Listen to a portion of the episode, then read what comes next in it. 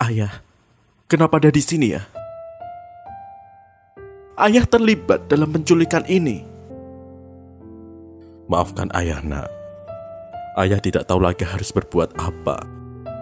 Ayah telah melakukan kesalahan. Katakan ya, ayah terlibat dalam penculikan ini kan ya? Ini yang terbaik untukmu, nak.